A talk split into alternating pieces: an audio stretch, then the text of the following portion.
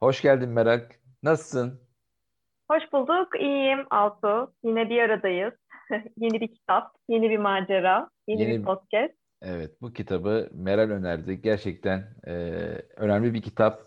Hani üstünden bir geçmiştim, okumuştum ama tekrardan böyle bir A'dan Z'ye bir detaylı okuyunca çok daha yer eden, oturaklı, herkesin okumasını tavsiye ettiğimiz bir kitapla karşınızdayız. Hangi kitapla beraberiz? Evet. Yalı Startup Eric Rice sürekli inovasyon nasıl başarı sağlar? Ben de kitabı ikinci kere okumuş oldum böylece. Ee, Daha alıcı gözle dediğin gibi altını çizerek, notlar alarak. Ee, Çünkü bence bunu hak eden bir kitap kesinlikle. İkinci kere okumayı hak ediyor. E, ve tabii karşılaştırmalar yapacağız. Güzel notlarımız var. İlk o zaman topu sana atıyorum Meral. İlk bize Aa, kitaptan aldığın parça hangisidir? Belki kitapla ilgili hani kitaptaki yaklaşım nasıl oluşmuş? Bundan bahsetmek güzel bir giriş olabilir bence. Tabii ki. Ee, kitabın yazarı Eric Rice aslında bir girişimci ve IMVU isimli bir sanal sosyalleşme uygulaması oluşturan bir startup'ın da sahibi ve hani 2011 yılında e, bu kitap hani yazıldığında e, IMVU'nun zaten çok başarılı olduğu bir dönem. 50 milyon cirosu olan işte toplam 6 milyon ürüne sahip her günde 7 bin tane yeni ürün kataloğa eklenen hakikaten e, çok başarılı bir startup. Ve hani Eric Rice bu başarıya ulaştıktan sonra e, girişimciler Eric Rice'a akıl danışmaya başlıyor. Ve Eric Rice bunun üzerine bir blog yazmaya başlıyor. Ve en sonunda da aslında yalından, işte design thinking'den, çelik yaklaşımdan da esinlenerek, faydalanarak Yalın Startup adındaki bir yaklaşımı e, oluşturmuş oluyor Eric Rice. Ve kitap da tam olarak bunu anlatıyor. Yalın Startup bir yaklaşım aslında. Nasıl çevik bir yaklaşım. Yalın Startup da bir yaklaşım. Kitap da bunu anlatıyor. Giriş olarak belki bunları söyleyebilirim. Harika bir giriş oldu gerçekten. Çok güzel toparladın. Ee, bir kere diyor ki bu bir yani gi- girişim de bir süreç meselesi. Hani doğru süreçler olursa siz ancak startup'ınızı, yeni başlayan firmanızı ancak doğru bir doğrultuda ilerletebilirsiniz diyor. Ee, hani çünkü bu startup'lar genelde bakıldığı zaman böyle harala gürele tabii ki bu da olacak ama hani bir süreci oturtturmaya ee, öncelikle daha sonra insan ilişkileri ve diğer noktaları toparlamaya dönük bir girişatı var.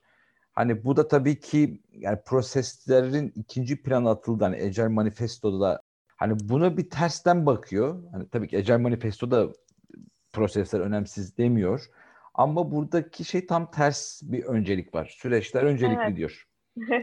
yani nedeni de şu aslında. Çünkü girişimcilik kelimesi dediğinde işte bir bunu çok güzel söylemiş ve diyor ki girişimcilik bir tür yöntemdir. Yani girişimcilik kelimesi heyecan verici ve havalı bir kelime. Hı. Yöntemse ciddi ve duran. E, Ama bu ön yargıları bir tarafa bırakmamız lazım. Hani nedeni girişimciliğin doğasından gelen hani o, o kelimenin çağrıştırdığı zihinlerdeki aslında ön yargıları kırmak olduğu için özellikle bu kitapta bence e, yönteme vurgu var. E, hakikaten de bunu söylüyor. Yani startup başarısı genetik bir yetenek ya da doğru zamanda doğru, Doğru. yerde olayım değil. Hakikaten e, doğru süreçleri takip ederek öğrenilebilir ve öğretilebilir diyor. Bunun altını çiziyor. E, çok ilginç yani değil mi? Yani girişimcilik deyince insanın zihninde farklı şeyler canlanıyor ama bunun bir bilimi var diyor aslında Eric Rice. Her Evet. şeyinde olduğu gibi hayatta, dünyada, evrende girişimciliğin de bir bilimi var ve bunu ben oluşturup kitabını da yazdım diyor. Evet ve tabii ki acı tecrübelerle o çok sağlam temelleri oturtturuyor. Fakat buradaki şey şu, e, yani enteresan kısım fabrikada kullanılan, yani Toyota'yı inceliyor. Toyota'daki yöntemleri alıyor ki Toyota fabrikası deyince hani böyle hantal, ne bileyim girişim olmayan, e, ağır ilerleyen, işte hep aynı arabaların çıktığı gibi zannedilen aslında öyle değil ama hani bu yöntemleri alıp bunu startup'a uygulaması ve buna lean yani yalın e, startup demesi burada çok paradigmaları sarsıyor bence. İnovasyon. İnovasyon kitap getiriyor. zaten inovasyonu inovatif bir yaklaşım getirmiş oluyor.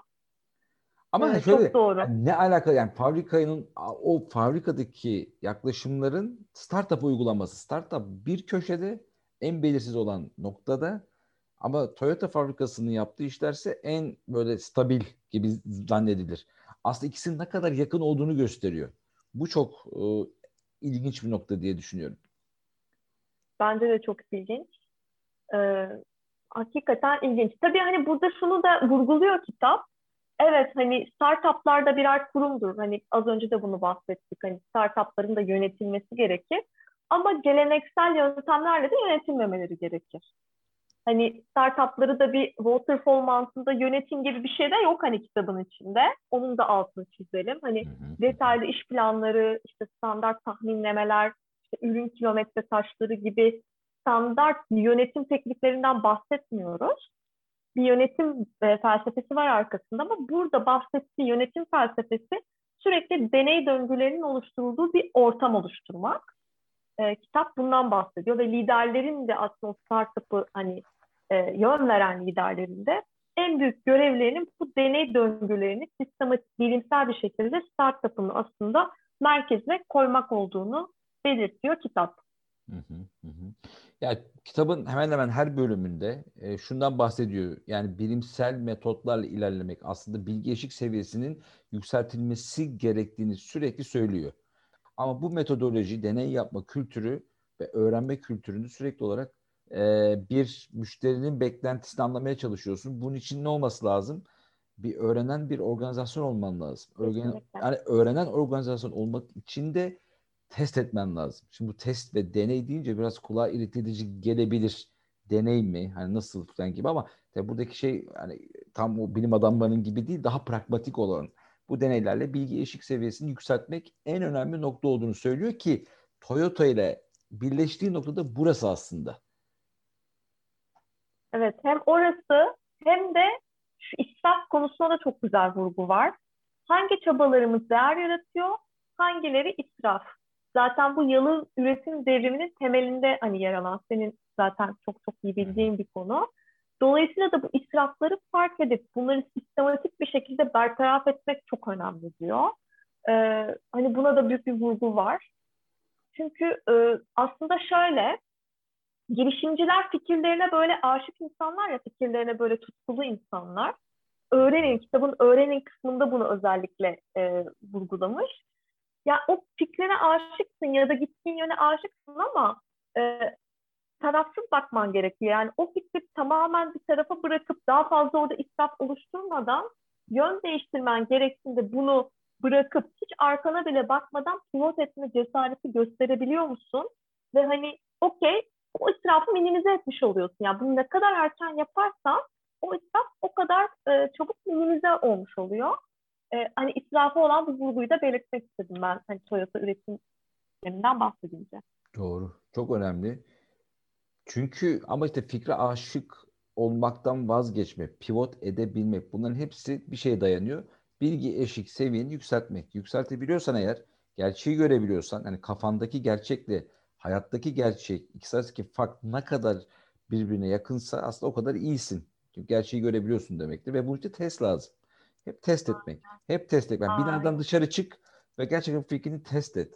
Ve şu var yani bu arada şöyle bir benzerlik kurayım. E, gerek bu David Anderson Kanban metodunun kurucusu e, gerekse e, Eric Rice'ın ortak olarak birleştiği bir kişi var aslında. O da Donald Reinerson, bu The Principles of the Product Development. İkisi de aynı yerden beslendikleri için söylemleri ve yaklaşımları çok benzediğini fark ettim ben okuyunca tekrardan. Kaynaklarda özellikle Don Reinerson'a vurgu var. Evet. evet zaten yalın deyince e, oraya gözler bir dönüyor ister istemez. E, çok doğru.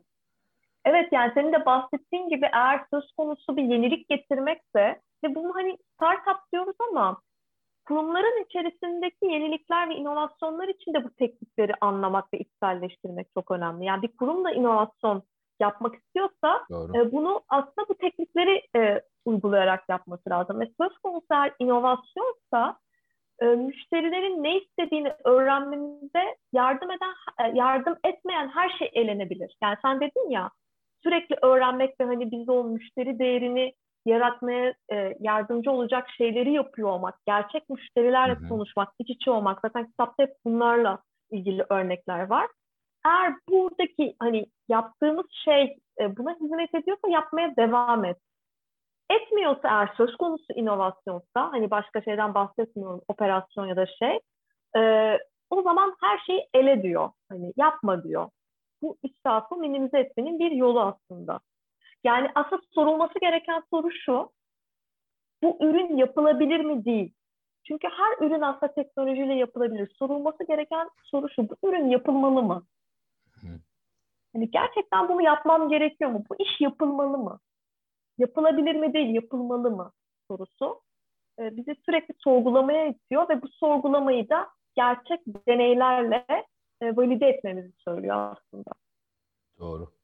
Aslında şuraya gelmiyor mu Meral? Yani aslında varsayımlar, aho varsayımlar, varsayım yani bu tutacak, bu doğru ürün, hissediyorum büyük gelecek gibi. İster startupta bu arada, istersen de yani dediğim gibi yeni bir firma kurmak zorunda değilsin, yönetici bile olsan yine bu yalın e, startup yaklaşımıyla da kendi firmandaki bulunduğun bölümü değiştirebilirsin. İsrafları elimine edebilirsin ama o işte bu assumption kısmı dediğin gibi çok önemli. E, doğru ürün üretmek. E, yani burada da tabii şuna geliyor işte yani çok dengeli gitmek lazım. Hani yani ne bileyim hep iki haftalık işte sprintler koşalım, sürekli koşalım. Ya ne bileyim her hafta replenishment yapalım, yeni işte aksın flow. Güzel ama gerçekten bu döngülerin, iterasyonların ya da flow'un evet. doğru müşterinin gerçekten istediği işi mi yapıyoruz, yapmıyoruz bu sorgulanması lazım. O yüzden bu çok bütünleyici bir yaklaşım. Bu tam olarak oluyor Altu. Yani pratikleri e, böyle motomot yaptığın zaman ya ben ne yapıyorum diye oturup bir düşünmüyorsun ya. İşte o düşünmediğin kısımda e, sıkıntı oluyor. Kitap da buna sürekli evet. vurgu yapıyor ama bunu bir teknik olarak nasıl yapabilirsin? E, burada da şey çok güzel bence. Değer hipotezini ortaya koy diyor. Yani aslında sen sürekli bir deney yapmak istiyorsun ama o deneyin bir başı var değil mi? Bir sonu var. Bir değer hipotezi var. Hangi metriklerle o deneyi yapmayı hedefliyorsun? Hani metriklerle ilgili de çok güzel bir kısım var. Bence muhteşem bir kısım. Herkesin okuması gereken bir kısım. Yani bir örnek veriyor mesela. Diyelim ki işte şöyle bir değer hipotezim var. Şirkette gönüllü ekipler kurarak yeni farklı konularda inisiyatifler alabiliriz. Yani bunun için mesela böyle basit bir deney, 3-4 haftalık bir deney yapılıp bu değer hipotezi e, valide edilebilir ya da fail olabilir. Yani e, başarısız olabilir. Dolayısıyla da aslında sen değer hipotezini koyup o deneyin biteceği süreyi belirleyip ekipleri e, bu konuda yetkilendirdiğin zaman işte sürekli öğrenen organizasyon olmuş oluyorsun. Doğru.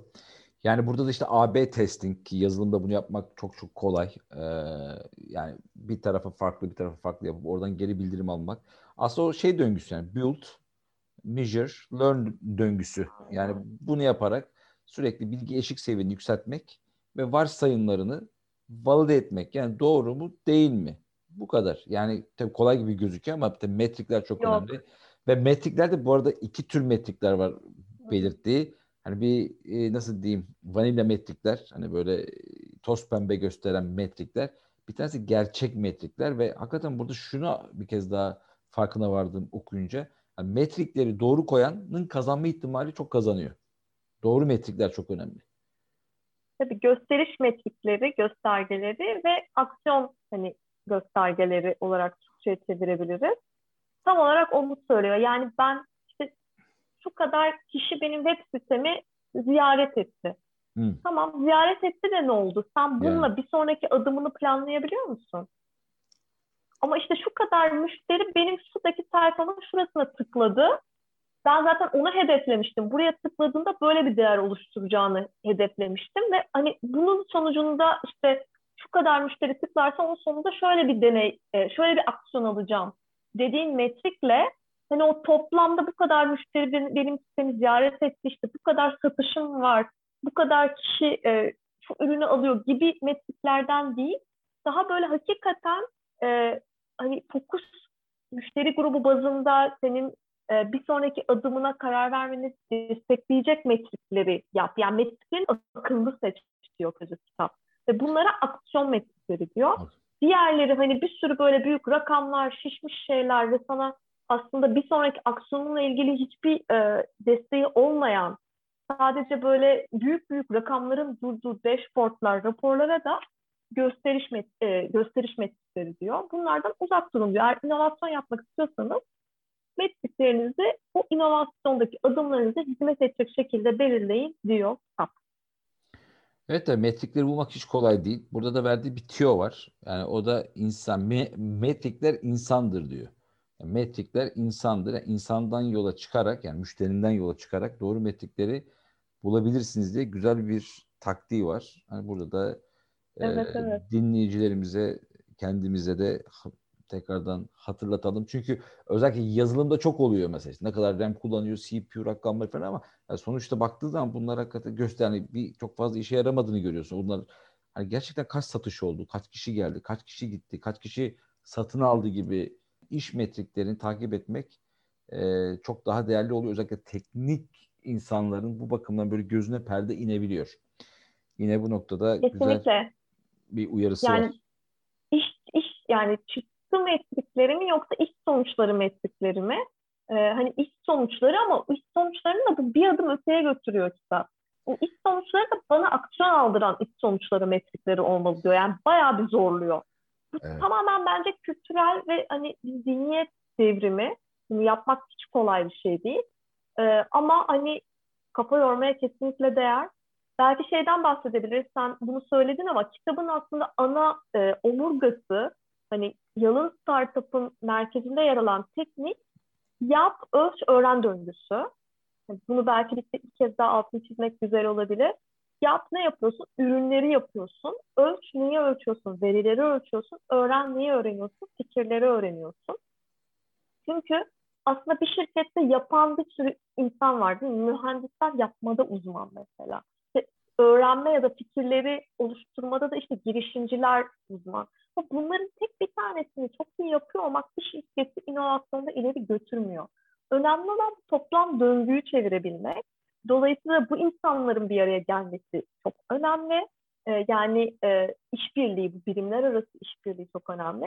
Ve bu döngünün süresini minimize etmek aslında bu yap, ölç, öğren döngüsünü ne kadar minimize yaparsak yani ne kadar aslında sık. Burada da çelik yaklaşımdan e, aslında bayağı bir esinlenerek bunu oluşturmuş. Hani o döngünün süresini kısaltmak, e, bir an evvel müşteriye sunmak, oradan aldığın geri bildirimle ilerlemek. E, tabii ki burada bizim hani hep çeviklikle konuştuğumuz minimum viable product, asgari çalışır ürün e, kavramları da işin içine giriyor. Hani bir an evvel bunları yap, fikrini test et. E, mükemmel şeyi yapmak yerine müşterinin e, memnun edecek kadar olan şeyi yapıp müşteriden aldığın geri bildirimlerle ilerle diyor. Ama yani burada build deyince mesela inşa et deyince illa burada hani çok böyle karmaşık süreçler işte yazılımlar değil. Çok güzel bir örnek var mesela kitapta. Yani o kısımda şeyin galiba Dropbox'ın hikayesi. Video çekiyor adam evet. orada. Video çekiyor yani.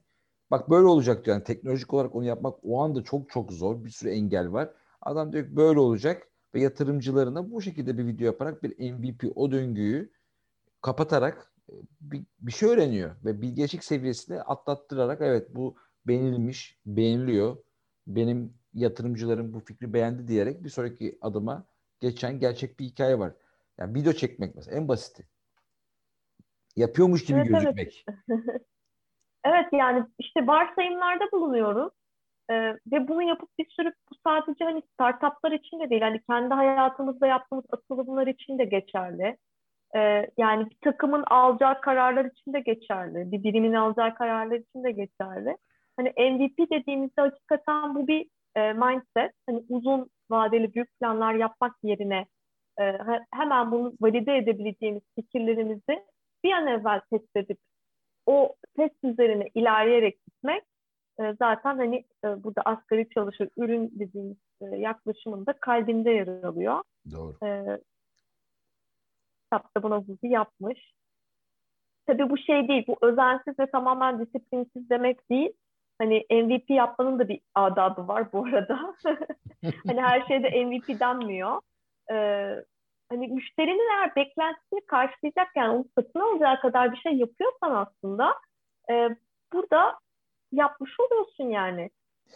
Ee, ya MVP'ni bu, oluşturmuş oluyorsun. Burada ya fit for purpose var. Şimdi mesela Dropbox'ın ki bu hikayesinde hani investorlar oradaki yatırımcılara şey sunuluyor. Hani böyle bir şey olacak, böyle bir şey. Hani buradaki şimdi beklenti göstermek. Hani buradaki MVP çok kısa ama dediğim gibi paralel söylediğin gibi yani daha bir adım daha ötesi ise hani bir ufak çalışan bir şey. Ya fikri test etmeye ben öyle algılıyorum. Fikri test etmek için minimumda askeri ne gerekiyorsa e, ne çok özensiz söylediğin gibi ama ne çok mükemmel e, arasında o, o da bir sanat aslında. Yani sanata geliyorsun. O dengeyi tutturduğun an, o fikrini test ettiğin an bir sonraki döngüye, bir sonraki eşik seviyesine doğru, bir sonraki hedef duruma doğru ilerliyorsun. Ee, ölçmek çok önemli. Veri odaklı olmak, ölçmek. Kesinlikle. Ve ölçerken tabii buradaki süreçleri takip için hatta bir Kanban'a atıfta bulunmuş. İşte validated süreçlerini orada orada görselleştirme kısmını kullanmış. Ee, yani onu ölçmek çok önemli çünkü tüm doğru musun değil misin o varsayımların aslında oraya dayanıyor. Eğer ölçümlerin sonucunda fikrin kötüyse ya da beğen beğenilmeyen taraf var, karşı tarafın e, istemediği, uymayan taraflar varsa bunu algılayıp hemen pivot etmen çok önemli. O zaman evet. adapte oluyorsun. Aynen ve buradaki pivot dediği şeyi de çok vurgulamış. Hani açıkçası ben daha önce bir e, şeyde ya bir girişimcilik yapmadığım için ya da bir, e, bir startupta çalışmadığım için belki o duyguları anlamayabiliyorum ama pivot yapmak hani girişimciler için hakikaten çok zor bir karar anladığım kadarıyla. Kitap da buna özellikle vurgu yapıyor. Yani hani şey kolay hani biraz ufak bir yön değiştirmek ya da ufak bir strateji değiştirmek belki kolay ama senin belki de e, hani startup'ını kurduğun ana stratejini böyle değiştirmen, yönünü tamamen hani geminin böyle hakikaten rotasını e, değiştirmen zor. O yüzden o verileri tutmak çok önemli diyor. Yani senin pivot edeceğini ya da korunmana yardımcı olacak verileri tutuyor. Hani diyoruz ya veri odaklı olun ve hani e, bu karar vermenizi yardımcı olsun bu veriler. Özellikle pivot edip korunmana yardımcı olacak verileri tutmanı da altı çiziyor. Doğru, doğru. Eğer öğrenme kültürü varsa yani ürün burada değişebilir. YouTube'un şu andaki ilk hali mesela YouTube değildi. Farklı bir şeyden buraya geldiler. Ee, ilk çıktığı fikirle sonunda memnun olduğu, gerçekten o fikrini sürdüren startupların sayısı nadirdir. Yani herkes bir şekilde evrimleşiyor. Yani evrimleşmek bu işin doğasında var. Ama duygusal işte insan olmanın getirdiği o duygusallık da var. Ee, işte rakamlar burada o yüzden çok önemli. Çünkü rakamlara baktığın zaman ona göre artık ben gitmeliyim diyorsun. Yani bu ürün burada değil. Yani farklı bir acı varmış. Ben oraya doğru kaymalıyım. Neden? Çünkü bilgeçlik seviyen arttı. Bunu algılamak çok önemli. Yüzden girişimciliğin bilimi diyor zaten. Hani evet. girişimciliğin rüyası ya da işte hani böyle değil yani kitabın adı. Ya da kitapta vurgulanan girişimciliğin yönetimi diyor, girişimciliğin bilimi diyor. Evet. Ee, Ama dediğin çok gibi enteresan. yani girişimci olman da gerekmiyor. Bir müdür, bir bölümün müdürü, ne bileyim bir genel müdür yardımcısı artık her neyse bunu or- oralara da uygulayabilirsin. Yani bir ürün çıkartıyorsunuz ama yani firma olarak orada olmuyor olmuyorsa e, o da büyük felaketler önlüyor aslında. Yani israfı önlüyor. İsraf nedir burada? Zaman. İnsanların evet. zamanı, insan işte şirketin parası. Yani bunlar hep boşu boşuna. Gidip daha evvelden sorsan fail fast denen olay o zaman belki daha hızlı zarar edeceksin. Yani, Bozulan ha, moraller ayrıca hani yanlış evet. şekilde gidildiği için o kurulan hayallerin e, harcanan hepsi. seneler. Evet. Giden seneler gençlik. sonra işler uzadıkça e, evet. e, inancın kaybolması. Bunların hepsi israf aslında baktığında. İşte bu teknikle yalın startupta tamamen bu israfları minimize etmeye sürekli işe yarayan, müşterinin istediği ve hani başarı getiren e, yöntemleri verileri kullanarak yap, ölç, öğren döngüsüyle nasıl sürekli olarak yapabiliriz bunu anlatıyor. Şeyden de bahsediyor aslında yığın e, hani şeydeki batch kavramından yalındaki hani bu e, işte dedik ya deney yapıyorsun ama deneyleri küçük yığınlarla çalışmanın önemini de aslında burada hani şey yapmış. Hani sık sık piyasaya değişiklikler çıkmak. Bu da işte tamamen gene Toyota üretim sisteminden gelen e, bir yaklaşım. Hani hep şey diyor işte evet ya bu hani bu fabrikalarda oluyor ama bu girişimcilikte nasıl olabilir? E, bu gayet olur aslında. Hani e, büyük büyük özellikler çıkmak yerine hani bunu küçük ve hani düzgün teknolojik altyapıyla, DevOps altyapılarıyla eğer bir teknoloji e, şirketiysen e, günlük olarak da yani dakikalık e, olarak dahi Amazon gibi şirketler bu e, değişiklikleri aslında canlıya çıkıyorlar. E, bu hani yapılabilecek bir e, teknik. Kesinlikle batch yani zaten Kanban'ın ikinci pratiği olan aynı anda yapılan işleri limitle. E, çünkü limitlediğin zaman daha hızlı akış oluyor. Daha hızlı akış olduğu zaman daha fazla feedback alabiliyorsun. Daha fazla öğreniyorsun aslında. Tüm işte Amazon diyorsun mesela o da, saniyelik yapıyor belki deployment'ları. Amacı nedir? İşte olmuyorsa geri çekiyor deployment o, o özelliğini. Bu çok önemli bir şey. Aslında süpermarketten gelen bir özellik. Hani raflara müşterinin alabileceği kadar mal yığmak evet. ve çektikçe, satıldıkça yenisini koymak. Çünkü batchler özellikle bu e, Don Reiners'ın kitabında da söylüyor. Bu hizmet sektöründe işler gözükmediği için bir fabrika gibi işte bir materyaller, stoklar yani işler inanılmaz büyüyor ve yöneticiler bunun farkında değil. Startuplar da değil. Herkes iş yiyor. Şunu da yap, bunu da yap, e-postlar ama bunlar gözükmediği için inanılmaz bir inventory, o stok artıyor. Bunu kısıtlamak çok önemli diyor. Dan Reiners'ın. O kadar kilit bir şey ki, o kadar kilit bir cümle ki. Zaten Tabii. şirketler bence bunu bir tek bunu anlasa her şey çözülecek gibi geliyor bana. Ama yani. bu tek... bir bu alışkan ama push bu yani bu alışkanlık işte push hatta kitapta da var. Push yerine pull yapmak. E, Kanban'ın da Kanban metodunun da aslında yaptırmak istediği bu. Ve Kanban metodunda en zor yapılan şey bu work in progress'leri oturtabilmek. Neden? Çünkü yukarıdan sürekli iş verilmeye alışılmış. Ee, startuplar da işte startuplar bu mantıkla giderlerse en doğru ürünü en doğru zamanda piyasaya sürme şansına sahip olup olabilecekler diyor yani. Batch yani o batchleri ufaltmak çok önemli o bakımdan. Evet evet. Ya yalından bayağı şeyden bahsetmiş. Hatta e, işte 5 e, five whys, 5 neden e, tekniğinden de bahsetmiş. Okey hani girişimcilik dediğinde gene böyle her şeyi hızlı yapma e, hani mantığı var ama diyor ki sürdürülebilir başarı olabilmesi için diyor eğer bize orta vadede bir kazanç ya da uzun vadede bir kazanç getirecekse bazen yavaşlamak da gerekebilir. Yani bir eğitim verilmesi gerekecekse o eğitimin verilmesi lazım. Ya da problemlerin kök sebeplerini ortaya çıkarmak için buna çok vurgu var mesela kitapta. Yani Doğru. problemlerin kök sebeplerini çıkarmaya vakit ayırın. Çünkü bu da bir israf. Yani aynı problemle tekrar tekrar ulaşıyorsun. Bir kere oturup hani adam gibi gerekli insanları çağırıp onun kök nedenini ortaya çıkarsan aslında e, hani o anda belki bir zaman harcamış gibi gözüksen de ileride oluşacak daha büyük sıkıntıları önlemiş oluyorsun. Gene Toyota'dan gelen kavramlar. Bununla ilgili de bu beş neden tekniğiyle ilgili de çok güzel bir e, iki tane şey var benim çok hoşuma giden. Hmm. İlk kez yapılan hatalara karşı tolerans gösterin. Hiçbir zaman aynı hatanın ikinci kez yapılmasına müsaade etmeyin. E, tam olarak hani israfı e, elimine etmenin en güzel yöntemi. Yani bir kere oldu bir hata okey ve orada da suçlu aramıyorsun. Hani bu neden oldu? Hani süreçte ne bir problem var? Problem ne? Kök neden ne? Ve bu ikinci kere yapılmaması için gerekli tüm önlemleri alın diyor. Bunu da vurgulamak güzel olur diye düşündüm. Çok güzel. Yani Toyota'da tabii şeyler var. Andon ipleri var mesela. Bir hata olduğu zaman ipe asılıyorlar ve o hat duruyor. Herkes başına toplanıyor. Onun işte kök sebebini bulmadan bir sonraki aşamaya gitmiyor. Hani Andon'un prensibinde orada açıklamış kitabın içinde. Yani hattın yürümesini istiyorsan e, hattı durdur gibi böyle bir tezat bir ifade var. Tam yani işlerin yürümesi için işleri durdurman lazım ama bu da kültüre geliyor aslında. Bu da kültür. Yani bir hata varsa hani şu anda bakıldığından çoğu hata varsa hani bir şekilde halının altına sürüklenip müşteri memnun olması için hızlı gidiyor ama bir yerden sonra artık e, technical özellikle yazılım dünyası için teknik borçlardan dolayı kitlenmeler yaşıyor firmalar. Ve diyor ki baştan yazalım. Ama yani Toyota'nın işte durdurması, hata olduğunda durdurma şeyi bundan geliyor. Çünkü yayılmaması için aslında hani o cerahatin vücuda aynı yayılırsa nasıl büyük zararlar vereceği için onu orada şey yapmaya çalışıyor. E, et, etrafını kapatıp onun kök sebebini çözmek.